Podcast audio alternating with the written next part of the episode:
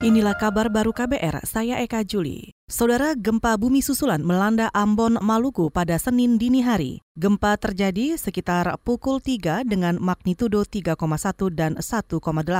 Ini merupakan gempa susulan setelah pada minggu malam kemarin terjadi gempa dangkal dengan magnitudo 2,9. Pusat gempa terjadi di daratan sekitar 19 km timur Laut Ambon. Selain di Ambon, pada minggu malam gempa juga melanda Jailolo, Halmahera Barat, Maluku Utara dengan magnitudo 4,0 serta Nusa Laut, Maluku Tengah dengan magnitudo 4,9.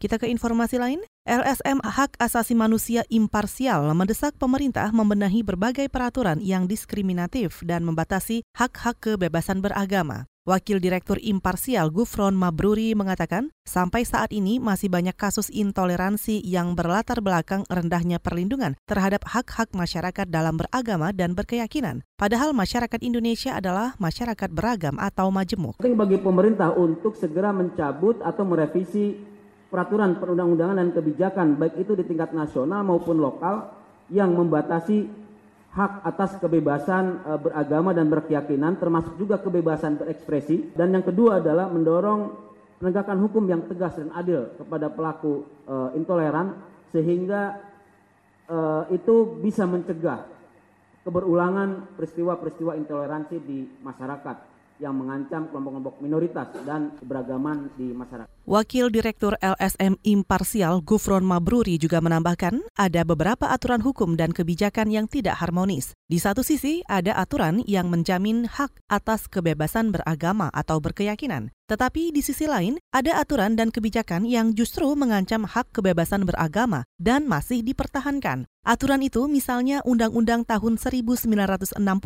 tentang penodaan agama, Surat Keputusan Bersama SKB Ahmadiyah, Peraturan bersama dua menteri soal rumah ibadah, hingga sejumlah peraturan daerah yang membatasi kemerdekaan beragama kelompok minoritas.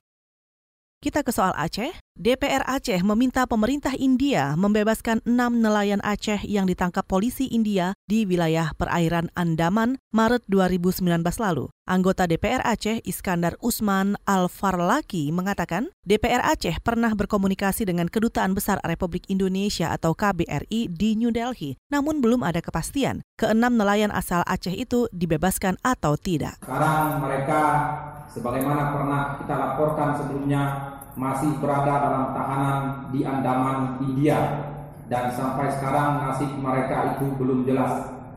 Oleh karenanya sebagai wakil kepala pemerintah Republik Indonesia, Pak PLT Gubernur, mohon ke-66 warga Aceh ini atas nama Munazir sebagai nakoda Anggota DPR Aceh Iskandar Usman Al-Farlaki juga menambahkan keenam nelayan ini awalnya tidak sengaja masuk ke perairan Andaman di India karena pekatnya kabut asap yang melanda Selat Malaka ketika itu. DPR Aceh juga meminta pemerintah Provinsi Aceh tidak lepas tangan terhadap nasib enam nelayan Aceh itu dan mencari cara agar keenam nelayan dibebaskan.